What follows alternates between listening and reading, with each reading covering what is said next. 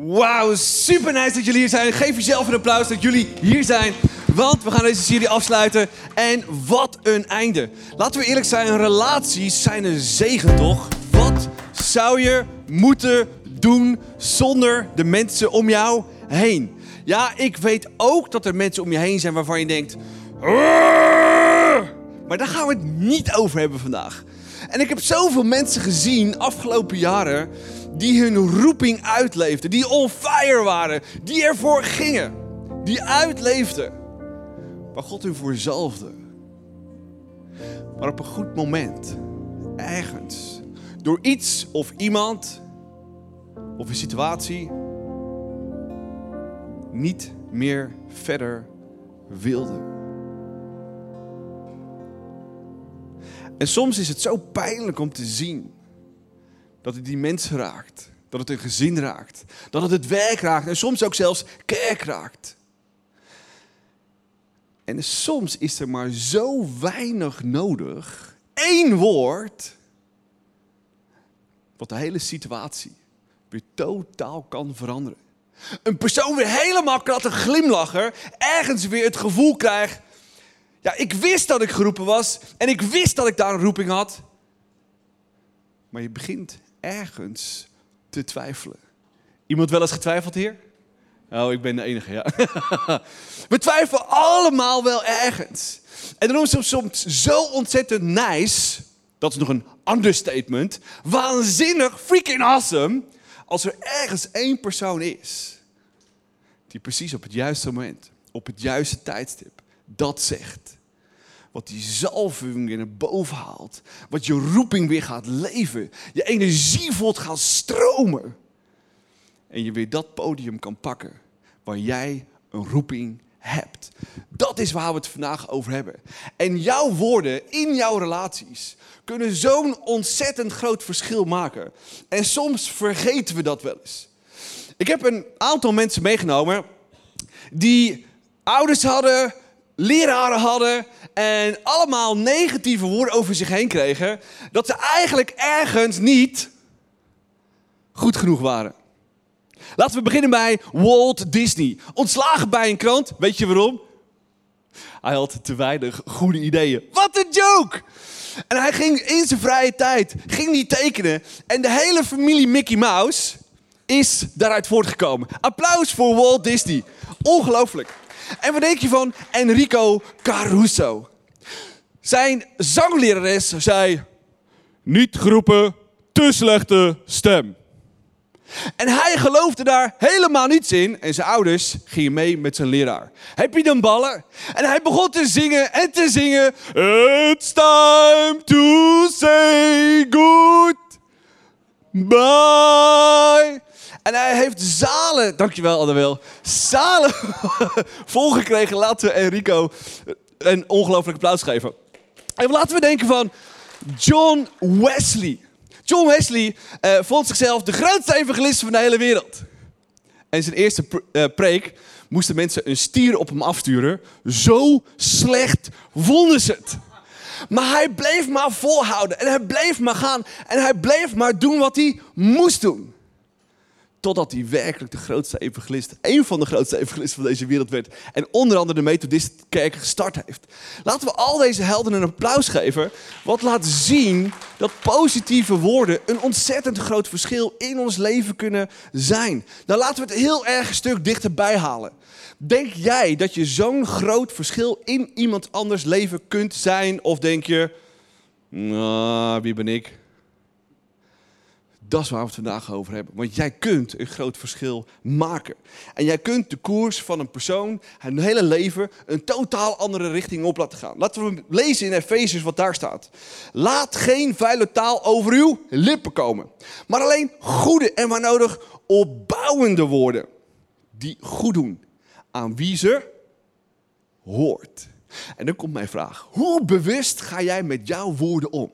Hoe bewust zie jij mensen om je heen en wie is je met Gods ogen zien? En misschien zie je wel die roeping. En misschien zie je wel wat. Maar durf je het niet te zeggen. Maar we hebben allemaal zo'n ontzettende power in ons. Nou, waar komt die power vandaan? Nou, terug naar waar het allemaal begon. Wie is er soms jaloers op die grote helden in het Oude Testament? Die zo gevuld waren met Gods geest. Boom! En dat je ze zulke grote dingen, dan denk je, nou, dat ga ik echt nooit niet doen. Nou, in het Oude Testament, laat ik zijn, was het een uitzondering dat mensen gevuld waren met Gods Heilige Geest. Alleen nadat Jezus voor ons gestorven is en nadat de Heilige Geest uitgestort is, is het nog steeds een uitzondering dat we gevuld zijn met Gods Geest. Maar hebben we ten altijd de toegang tot? Misschien heb je het zelf ervaren. Ik heb een, plaatje meegenomen van een ontzettend fantastische man. Echt super good looking. Kunnen we die man met het zwarte hart eventjes uh, zien? Ja, man met een zwart hart. Man met een woef, ja. We worden allemaal geboren met een ziel en een leven van God. Maar onze ziel is niet per definitie tot leven gewekt. Wie kan dat wel doen? Dat kan alleen maar de Heilige Geest doen. Als je je leven aan hem geeft en je simpelweg zegt: Heilige Geest, kom in mijn. Is het zo simpel? Ja. En dat brengt je ziel tot leven. Dat zalft je ziel, dat zegelt je ziel, zodat zowel de goddelijke wezens als de niet-goddelijke wezens weten: deze persoon is van Jezus en van niemand anders. En met die Heilige Geest heb je natuurlijk ook een roeping en een calling. Daar gaan we het volgende week over hebben. Maar wat je met die Heilige Geest kunt doen, met die zalving. Ja, je bent een saint. Of je het wilt of niet, als je Heilige Geest in je hebt, je bent een saint. Door middel van die Heilige Geest kunnen we anders naar mensen gaan kijken. Niet met jouw ogen, maar met Gods ogen. Met Gods woorden en Gods gedachten om die roeping te zien. Nou, wat moeten we snappen? Er komt een waanzinnig vers, heb ik voor jullie meegenomen, uit Exodus. Liefhebbers van het Oude Testament hier? Tuurlijk wel. Komt ie, lees met me mee. Exodus staat het volgende. Neem voor uzelf de beste specerijen. 500 sikkel is ongeveer dik 5 kilo. Gaat hier over significante bedragen. Dus dit is echt een professioneel beroep vloeibare mirre en half zoveel ervan, dus 250 sikkel, ongeveer 2,5 kilo, geurige kaneel en 250 sikkel geurige kalmoes, citroenplant is dat. En ook 500 sikkel cassia, dat is een ander soort kaneel. Gerekend volgens de sikkel van het heiligdom en een hin. Wat is, hoeveel is een hin? Zit hier echt het oldschool Oude Testament kennis? Wat is een hin? Hoeveel liter is dat? 6 liter olijfolie. Serieuze zaken hè, hier deze ochtend. U moet daarvan een heilige zalfolie maken. Zorgvuldig bereid mengsel, werk van een zalfbreider. Het moet een heilige zalfolie zijn. Nou, voor wie was deze heilige, heerlijk geurende zalfolie? Ja, voor Mozes, Aaron, de priesters en alle hoge priesters. Die olie was dus gemaakt om hen te zalven. Als symbool dat God ze vulde met zijn geest, zodat ze konden doen waar hij ze toe ze geroepen had. Nou, ik weet niet of je van kaneel houdt. Ik walg ervan. Ik vind het verschrikkelijk. Eh, kaneel en tijm, uh, verschrikkelijk. Mirre en een ander soort kaneel. Nou, ze moesten dat dus bereiden tot een waanzinnige uh, zalf en daarmee die mensen ook zalven. Ze waren geroepen en ze hadden een roeping om te doen wat ze moesten doen. Nou, waar staan die drie dingen voor? Nou, als eerste kijken we naar de mirre. Mirre staat voor nederigheid. Mensen hier nederig? Kaneel staat voor goedheid. En Cassia staat voor vriendelijkheid. Nou, waarom zou je als leider of als profeet of als volgeling van Jezus gevuld met zijn Heilige Geest om mensen te bemoedigen en woorden te spreken in hun leven, deze drie dingen, nederigheid, goedheid en vriendelijkheid, nodig hebben? Waarom je dat nodig hebben? Nou, als eerste, om de nederigheid te hebben. God, Bedankt dat u me gezegeld heeft. Bedankt dat ik gezalfd, bedankt dat ik uw Heilige Geest heb. Ik heb mensen om me heen, een man, een vrouw en kinderen. Ik wil niet zien wat ik zie, maar ik wil zien wat. Heb je daar nederigheid voor nodig? Is het easy om altijd maar je eigen wil, je eigen ego en je eigen visies door te duwen? Easy. Je hebt nederigheid nodig om stil te zijn. God, ik wil niet zien wat ik zie. Ik wil zien wat u ziet. En laten we eerlijk zijn. Het tweede is dat als je dan iets uitspreekt, kan dan de koers van iemands leven een totaal andere wending nemen? Heb je dan nederigheid genomen om exact goddelijke woorden te zeggen in plaats van je eigen woorden? Dit is wat we nodig hebben. Maar als we die houding hebben, en stel jezelf even voor, doe je ogen dicht. Jij bent ook diegene naast Aaron en Mozes en hoge priesters en priesters. Ben je gezalfd met zijn heilige geest. Stel dat hier iemand is die jou dus met die geurige olie en die mirre en die kaneel zalft. En je dus voelt en ervaart dat je geroepen bent om positieve, sterker nog, profetische woorden, goddelijke perspectieven aan mensen te vertellen. Wat zou er gebeuren bij de mensen om je heen? Je mag je ogen weer openen. Ik hoop dat je ergens gevoeld hebt en ervaren hebt wat dat kan zijn. Een aantal jaar geleden sprak een voorganger uh, mij aan en die zei, uh, een van de kerken in onze omgeving die vrij groot is, Ari, uh, waarom groeien jullie niet zo hard als onze kerk? Dat is een pijnlijke vraag. Zeer pijnlijke vraag. En ik legde hem uit dat we een soort kerk zijn die echt de wereld wil bereiken. We willen geen christelijke kerk zijn met een christelijk sausje, waarin christelijke mensen heerlijk kunnen marineren hier zo. Die, oh! Nee, we zijn open voor de wereld. Dat elke persoon die God niet kent hier komt zegt, ik voel me thuis, ik snap de message. Ik vind het niet gek. Ik kan hierin mee. En toen zei die voorganger, heb je echt de wereld binnengekregen? Ik zei, ja. En dus groeien we veel langzamer. We trekken niet zo heel veel christenen aan, behalve de goede. Weet je wat hij toen zei? Arie, misschien ben je wel een van de weinige voorgangers in Nederland die dat voor elkaar krijgt. Ik ben jaloers op jou. Hoe fantastisch is het als je dat tegen elkaar kunt zeggen? Dit is mijn roeping, dit is mijn calling en ik sta erin. Matthias, neem ons mee in wat dat nog veel meer voor ons kan betekenen om positieve woorden de mensen om ons heen te zeggen. Ja, we gaan kijken naar drie praktische manieren. Drie praktische manieren hoe je echt Gods taal kan leren spreken. Drie praktische manieren. Ben je er ready voor? Iedereen thuis er ready voor? Laat even in de chat weten. Als je dit later in de podcast terugluistert, zeg even: I'm ready! Gewoon dat iedereen om je heen staat. wat zit jij nou te doen? Wat zit jij nou te doen? Alright? We gaan erin. Het eerste punt is: hoe leer je Gods taal spreken? Is door echt profetisch te bidden voor je relaties. Op het moment dat je bidt voor een ander, als je profetisch bidt voor een ander, dan doet dat iets met iemand in deze wereld. Maar doet dat ook iets in de niet zichtbare wereld. Want je spreekt letterlijk een zegen over iemand uit. Als je kijkt naar de herkomst van het woord zegen, dan komt van het woord, is het afgeleid van het woord benedictio en wat weer afgeleid is van het woord benedicere.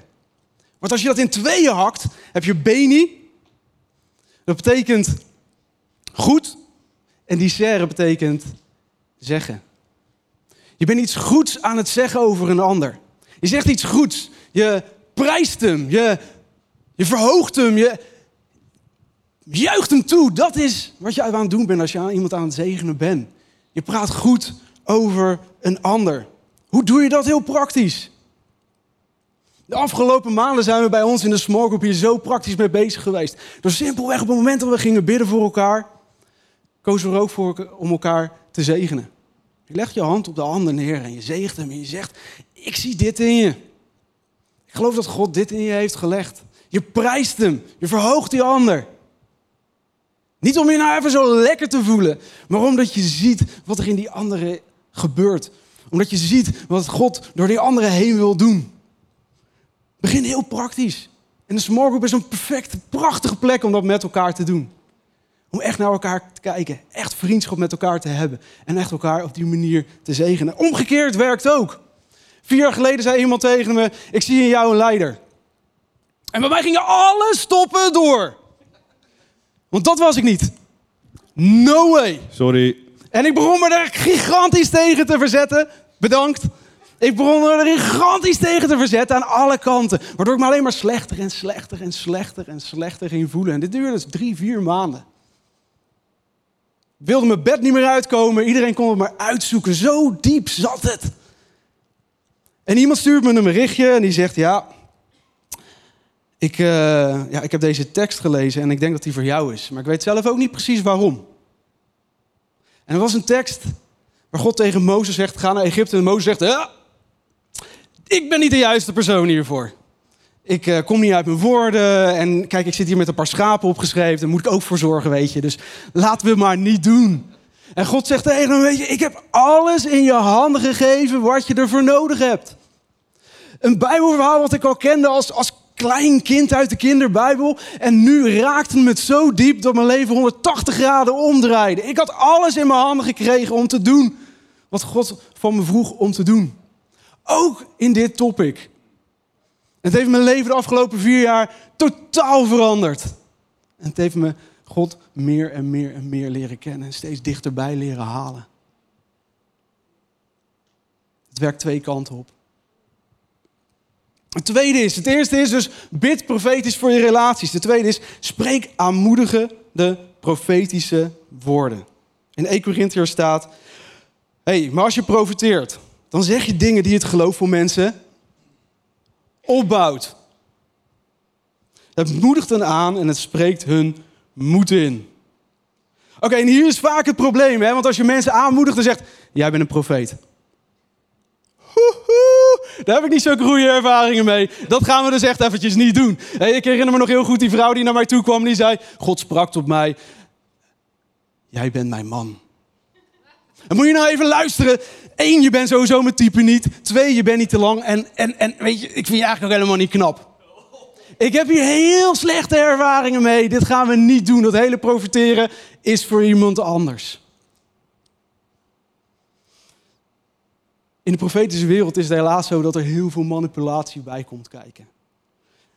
En daar worden mensen zo vaak tegengehouden op het moment dat je zegt: Jij bent een profeet. Maar vandaag gaan we het anders doen. Ik zeg je, jij bent het. Jij bent een profeet. Jij bent een profeet. Welke ervaringen je er ook mee hebt. Welke teleurstellingen je er misschien ook mee hebt. Jij bent het. Ongeacht de twijfels dat je je afvraagt, ja, maar is dit nou van God? Of is het nou eigenlijk van mezelf? Is het dat van die persoon? Of is het nou eigenlijk van God? Of van wie is het nou eigenlijk? Ongeacht die twijfels. En ik wil het heel simpel voor je maken vandaag. Want je hebt menselijke woorden, toch? Dingen die jij en ik zeggen, dingen die jij en ik denken, dingen die jij en ik zien in andere persoon. En je hebt goddelijke woorden. De dingen die God ziet in een andere persoon. En ik denk dat het goed is om je heel bewust te zijn dat daar drie verschillende niveaus in zijn. Drie verschillende niveaus in profiteren, in profetie. Want je hebt dus die menselijke woorden en je hebt de woorden van God. Je hebt eenvoudige profetieën. We hebben een geweldige slide. We hebben eenvoudige profetieën. We hebben profetische gaven. We hebben profetische bediening. En je moet het eigenlijk zien als level 1, 2 en 3, eindbaas. Level 1 is eenvoudige profetieën. Heel veel menselijke woorden. Maar er is een klein stukje van God. En come on, er is een klein stukje van God wat je zegt. En een klein stukje van God is meer dan niets. En ik zal nog groter maken. Jullie zitten allemaal op level 1. Alright, die heb je in de pocket.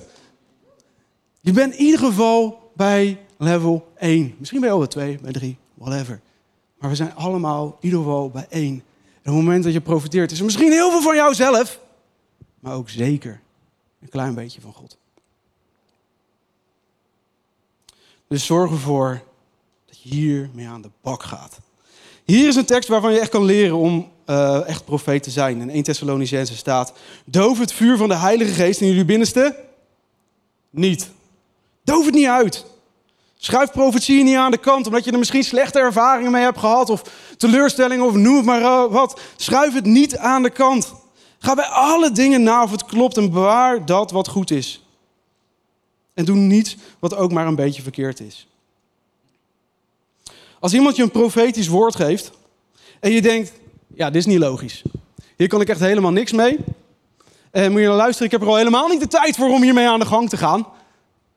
En ik begrijp eigenlijk niks van wat je nu tegen me zegt. We hebben er allemaal een. Pak je mobiel, Open je notities. Schrijf op wat die andere tegen je zegt. Schrijf dat profetische woord op. Schrijf in je notities. Schrijf er voor mij part achter. Hier kan ik helemaal niks mee. Zodat je er later aan wordt herinnerd. Als je het waarheid ziet worden in je leven. En dat je kan zien, dit had God al zo lang geleden beloofd. Door die persoon heen. Stap uit. Waarom is dat zo belangrijk? Omdat we uit moeten stappen. Ik was een aantal weken geleden met heel veel pastors bij elkaar. En we zaten in een groep en we waren aan het bidden. En ik had echt zo'n sterk beeld voor een stel. En ik dacht, ja, moet je luisteren. Ik kom hier net kijken. En deze pastors, man, die hebben al een geschiedenis achter zich liggen. Die hebben al zoveel meegemaakt. Die, woe, die zitten sowieso op level 3. kom ik aanzetten met mijn wilde en noem het maar op. En ik draaide me om en ik liep weg. Een beeld bleef me hangen in mijn hoofd. En ik voelde zo interne onrust in mijn lichaam. Het moest eruit. Dus ik checkte bij God. Oké, God, als dit van u is, dan moet die onrust. Laat hem dan maar. Maar als het niet van u is, moet hij echt weg. Want dit is echt heel vervelend. Maar hij ging niet weg. Dus ik pakte alles bij elkaar wat ik was. En ik ging naar de stel toe. En een beetje hakkelend zeg je. Ik geloof dat God dit tegen jullie wil zeggen. Ik vertelde mijn verhaal. En zij luisterden. En ze zeiden, nou, dankjewel. Dus ik probeerde nog een high five te geven en een, een, een box. En ik denk, ik moet er nog wat van maken. Weet je, misschien komt de enthousiasme daarna wel. Nou, dankjewel. Dus ik draai me om. En ik ervaarde zo'n rust van binnen. Simpelweg omdat ik heb gedaan wat God van me vroeg. God gaf me een woord en ik sprak het uit. En ik deed wat hij van me vroeg. Ik stapte uit, uit mijn comfortzone. Ik stapte uit uit hetgene wat ik normaal gesproken misschien niet zo vaak doe. Ongeacht het resultaat. Ik stapte uit. En ik denk dat we iedere dag weer opnieuw uit moeten stappen om dat te doen wat God tegen je zegt. Waar we het in allereerste topic over hadden. Dat je ochtends bidt van God, zet mijn oren open zodat ik hoor wat u tegen me wil zeggen, wat ik tegen anderen kan zeggen. En doe het. Doe het opnieuw en opnieuw en opnieuw om er steeds beter in te worden en te leren. Drie dagen later komt die pastor naar me toe en hij pakt me vast en hij geeft me een huk en hij zegt wat je toen tegen me gezegd hebt. Heeft me zo bemoedigd. Heeft alles zo weer op een plek gezet. Het gaat niet om mij. Het gaat over wat God tegen hun wil zeggen. En hoe levensveranderend dat kan zijn voor een ander. En dat is waarvoor we zijn gemaakt. Misschien is het maar een heel klein beetje. Misschien is het maar een heel klein beetje van God. Een heel klein beetje profetie en heel veel van mezelf. Maar stap uit. Word steeds comfortabeler in die profetie. Word steeds praktischer in die gaven en in het geven en in het ontvangen. Alright? Goed. Dus profetisch bidden. Profetisch aanmoedigen. En ik zei, ik heb er drie. De derde is troosten met profetische woorden. Want het is echt intens belangrijk om mensen te kunnen troosten met profetische woorden. En je echt iedere dag tijd opzij zet. Of om in je Bijbel te lezen, of om worshipmuziek te luisteren. Ik, misschien lees je liever psalmen. Uh, do it your way. Maar echt God de tijd te geven om tegen jou te praten. Zodat jij tegen anderen kan praten wat hij wil zeggen tegen hun. Voor mij werkt het heel goed om in mijn Bijbel te duiken of juist echt dagelijks worshipmuziek echt te luisteren. En dat het echt kan gebeuren dat er een woord of een zin me zo erg kan raken. Maar niet voor mij, maar voor een ander. Weet je, uh, zei vorige week in de topic, ik weet niet wat ik twee weken geleden heb gegeten. Maar het heeft me gevoed en het heeft me kracht gegeven. Ik weet niet wat ik twee weken geleden geluisterd of gelezen heb. Maar het heeft me opgebouwd en het heeft me kracht gegeven om te doen wat God wil dat ik doe. Maar die stiek twee jaar geleden bij de Argentijn, die herinner ik nog in detail. Die was zo sappig en zo lekker. Ik ben echt een vleeseter. Ik hou ervan. En soms luister je, soms lees je en dan blijft iets je zo erg bij tot in detail en dan wil God iets tegen je zeggen. Want dat gebeurt niet voor niets. Pak dat vast. Bid ervoor. Voor wie is het? Stap uit. Als je dat ervaart, als je dat doet, bemoedig dan een ander. En weet je, als je zegt, ik weet niet hoe ik dat moet doen. Ik weet niet hoe ik dat moet zeggen. Weet je, begin simpel. Pak gewoon je telefoon erbij. Als je aan die persoon denkt. Pak je telefoon erbij, stuur een berichtje, een voice eh, message. Bel ze op. En als je niet weet wat je tegen ze moet zeggen, je dacht aan ze. Dus bel ze op. Ik moet zo aan je denken. Ik weet niet waarom. Wat kan ik voor jou betekenen? Wat kan ik voor jou betekenen? God legt niet voor niets iemand op je hart. Stap uit, doe het, maak het praktisch. Bid voor de personen, moedig ze aan, troost ze. Zet tijd apart. Ik geloof dat het zo belangrijk is om iedere week, iedere dag misschien zelfs echt tijd apart te zetten. 15 minuten, 30 minuten. Prik een moment in je agenda. Dit is mijn moment samen met God om echt te focussen op de mensen om me heen, om de relaties die ik heb, om echt life-changing te bidden. En als laatste wil ik het hebben over een beeldhouwer.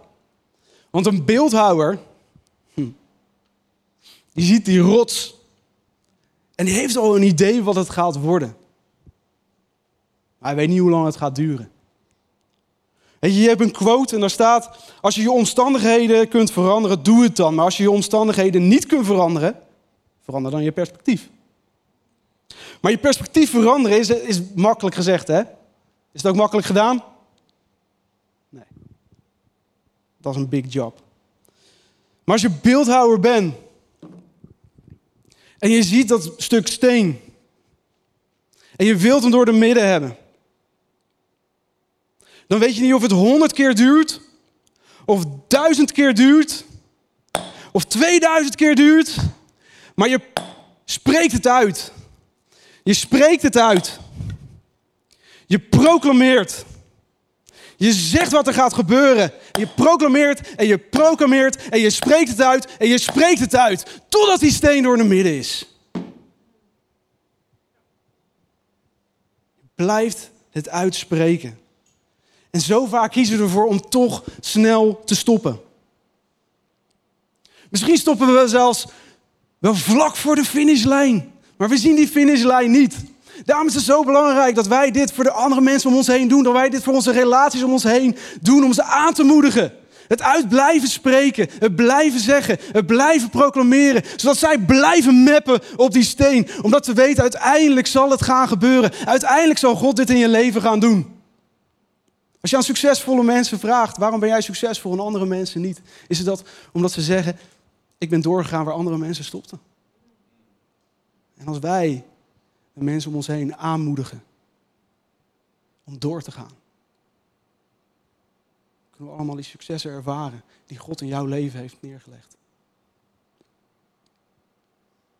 Daarom is profetische bediening zo belangrijk. Het is belangrijk voor je familie, voor je gezin, voor je vrienden, voor je collega's, voor je kerk. Arie, kan jij ons daar meenemen? Zeker.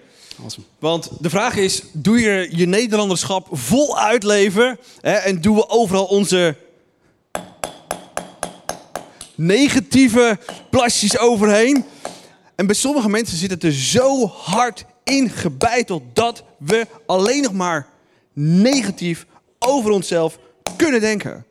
En dat is waarom profetische gaven zo belangrijk is. En iedereen heeft het, want als je Gods geest hebt, dan kan iedereen het doen. En ik hoop met heel mijn hart dat je na vandaag, na vanochtend, een groot verlangen hebt. En als we het nog niet hebben, dat we straks voor gaan bidden. Om dat ook echt te hebben en te doen. En echt gebruik te maken van Gods geest. Want er kan zo'n groot verschil uitmaken als je positief naar de mensen om je heen spreekt. Dat letterlijk de vonken er vanaf vliegen. En dat letterlijk die persoon iets gaat doen in de wereld wat precies God door die persoon heen wil doen. Waarom hebben we Gods geest? Om een spreekbuis te zijn voor de wereld. Wie je ook bent. En jij bent degene die dat los kan maken in mensen. En ik hoop met heel mijn hart dat je na vanochtend die wens hebt om daarin te groeien. Niet alleen menselijk naar mensen te kijken, maar te groeien van goddelijk naar nog veel meer goddelijk, naar nog veel goddelijker, alleen met Gods ogen te kijken, Gods beelden te zien. Wie is die persoon? Wat is die roeping? En het te durven zeggen met autoriteit. wetend dat er iets gaat veranderen in dat leven. En als je je uitkijkt, dan doen we het niet op een goddelijke manier, maar uit een frustratie manier. Dat mensen je pijn doen. En jij gaat op dezelfde manier dingen terugzeggen. Nou, we noemen dat duivelse woorden. Klinkt een beetje heftig, is het ook. Want laten we eerlijk zijn. Worden mensen in deze wereld, omdat we in een niet perfecte wereld de grond ingestampt en getrapt? Nou, laten we een paar voorbeelden noemen. Het duivelse woorden ontmoedigt mensen. Of het maakt mensen tot slaaf. Als je te horen krijgt, wie denk je nou wel dat je bent? Voel je dan inferieur ten opzichte van een andere persoon? Dat is precies wat het is. Of je voelt je beroofd van je waarde, beroofd van je identiteit. Of het neemt je goddelijke vreugde die je had helemaal weg. Maar wat zijn nou goddelijke woorden? Het beurt op. Je krijgt een glimlach op je gezicht. Het bemoedigt. Je krijgt hoop. Het versterkt wie je bent en wat God al heeft laten zien. Maar het versterkt ook je geloof. 1 Corinthians 14 zegt het volgende. Maar als je profeteert, zeg dan de dingen die het geloof van mensen opbouwen. Of ben jij zo'n azijnzeiker? Wees een opbouwer, een opbeurder, die met goddelijke ogen naar mensen kijkt. Het moedigt hen aan en spreekt hun moed in. Nou, je kunt op twee manieren beelden en woorden voor mensen krijgen. Het eerste beeld is deze. Het profetische vooraanzicht. Je, je, je, je kijkt naar een persoon. Ik kijk nu eventjes naar, naar Desiree. Je kijkt naar een persoon en je ziet beelden en je ziet iets in de toekomst gebeuren. Maar je weet niet precies wanneer. Dat is het profetische vooraanzicht. Dit zijn bergen, je ziet ze van voren. Je ziet daar een top en je ziet daar een top en daar een top en daar een top. Je ziet iets, je ziet iets gebeuren, maar je weet niet wanneer. Je kunt ook profetieën krijgen die een profetische tijdlijn zijaanzicht hebben van diezelfde bergen. Dit is het vooraanzicht en dit is het zijaanzicht. Waarin je weet, op dat moment deze, ga jij een post maken als communicator, professional dat deze kerk volstroomt met duizenden mensen. Kan gebeuren, hè? je weet nooit.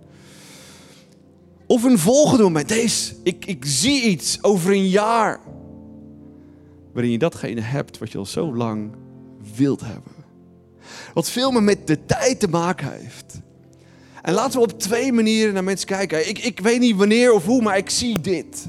Of dat je juist wel weet, ja, dit is het. Ik weet ook wanneer het gaat gebeuren. Een aantal jaren geleden zat ik met een pastor uit Denemarken uh, op het strand.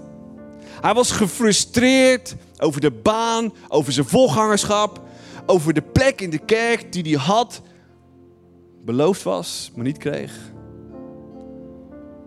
En ik had één beeld. Plant een kerk. En ik zei het tegen hem. En hij keek me aan. Hij zegt, wat zei je? Ik zeg, ik heb het beeld dat je een kerk moet planten in Denemarken, in Kopenhagen. En hij werd er stil van. Hij zei, Ari, ik wil dit al zo lang, maar niemand, niemand bevestigt me hierin. Hij pakte het hoesje waar zijn vork en mes in zat, schreef de datum en de tijd op is teruggegaan naar Kopenhagen en heeft drie jaar lang al een booming kerk midden in het hart van Kopenhagen. Is dat niet freaking awesome? Dat is precies wat het is. En laten we met die woorden, met die intentie naar mensen kijken. Het goddelijk in ze naar boven halen. Zodat ze doen wat ze doen. Net zolang tot het blok breekt. En ze midden in hun roeping staan. Zullen we samen bidden? Zullen we het staan doen? Misschien zeg je, hey, weet je wat, ik, ik, ik, ik weet niet of ik Gods geest heb. Ik weet niet of ik een zoon of dochter van Gods geest, van God ben. Het is vrij simpel om in eigen woorden te zeggen, Jezus, kom in mijn leven. Bedankt voor het kruis en alles wat u heeft. En laten we samen de Heilige Geest uitnodigen in ons leven. Om nog veel meer profetisch te zien, te spreken. En de mensen om ons heen het beste eruit halen wat erin zit. Jezus, dank u wel voor u bent. Dank u wel voor uw liefde, voor uw trouw. Dank u wel dat u degene was vervuld met Gods geest. U liet zichzelf dopen. En uw vader zei uit de hemel: Dit is mijn zoon die ik zo lief heb. En een duif landde op u neer. Als symbool dat u vervuld was met Gods geest. En ik zou zo graag u keer ontmoet willen hebben in die tijd, in die periode, als een van de discipelen of een van de toeschouwers. Om te horen wat u tegen mij zou zeggen. Om te horen wat u tegen ons zou zeggen. En eigenlijk weten we het al, want als we naar het kruis kijken, schreeuwt u van de daken dat u in ons gelooft. Dat u voor ons houdt. Uw liefde, uw vriendschap spat er vanaf. En nog steeds snap ik niet altijd waarom u dat deed voor mij. Waarom u dat deed voor de mensheid. Maar u deed het voor de mensheid en u deed het voor mij. Om me los te weken van het verleden en misschien al die mensen die daar verkeerde dingen in hebben gehamerd. U gelooft in ons. En Jezus, dank u wel voor dat kruis. Dank u wel dat u voor mij stierf. Dank u wel dat u alles wilt vergeven uit het verleden, het heden en de toekomst. Ik wil u bedanken voor dat kruis, dat u voor mij stierf. Kom in mijn leven. Heilige Geest, vul me van top tot teen. Neem die leegte in mijn lijf weg. Neem die leegte in mijn ziel weg. Nou, altijd maar zoeken naar meer. Altijd maar zoeken naar het zin van het leven. U bent de zin van het leven. U wilt elke dag een relatie met mij aangaan. Praten door het leven. U wilt mij woorden geven over mezelf. U wilt me impressies geven over waarom u mij gemaakt heeft. Maar u wilt ook dat ik groei in mijn goddelijke perspectief naar de mensen om me heen. Om geen azijnzeiker te zijn, maar een profeet die het beste in mensen naar boven haalt. Een profeet die nederig is, die dankbaar is, die vriendelijk is. Als een echte gentleman. Niet schreeuwerig, niet pusherig.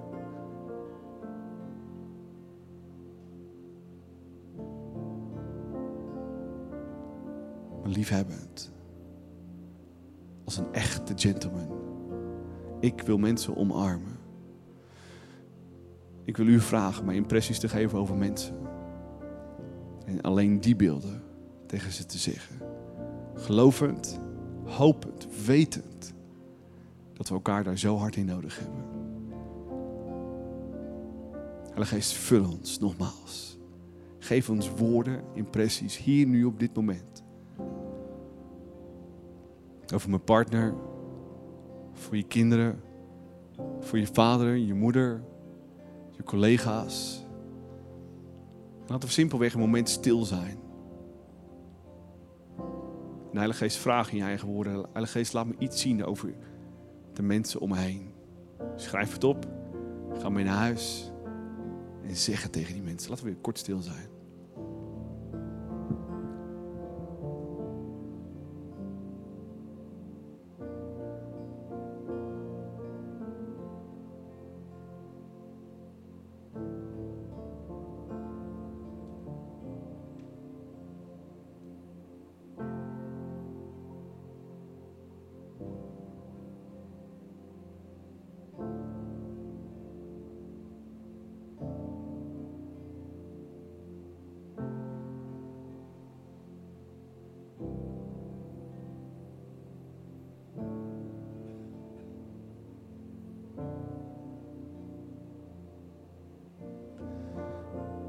Jezus, dank u wel voor wat u heeft laten zien.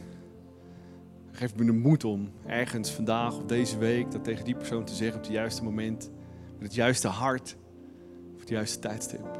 Misschien heb je helemaal niets gezien of ervaren en is het ook goed. Om simpelweg te vertrouwen op Jezus. Laat hij wat zien, laat hij wat zien, laat hij niet wat zien, laat hij niet wat zien. Jezus, dank u wel. Dat u in mij gelooft. Dat u elke dag, elke ochtend, elke avond over mijn leven profiteert. Elke ochtend en elke avond in mijn woorden wil influisteren over wie ik ben. Ik wil stil zijn. Al die woorden en beelden in me opnemen. Zodat het in mij laat groeien tot de persoon die u mij gemaakt heeft. Zodat ik kan uitleven naar de mensen om me heen. En die woorden kan zeggen van u. En ze worden tot de persoon die u bedoeld heeft. Verander ons leven. Verander ons perspectief. Maak ons elke dag meer bewust dat we echte profeten zijn. Gevuld met de Heilige Geest. We zijn heilig om heilige daden te doen. En hier vandaag willen we zeggen, ik ben beschikbaar en ik ga dat doen. In Jezus' naam. Amen.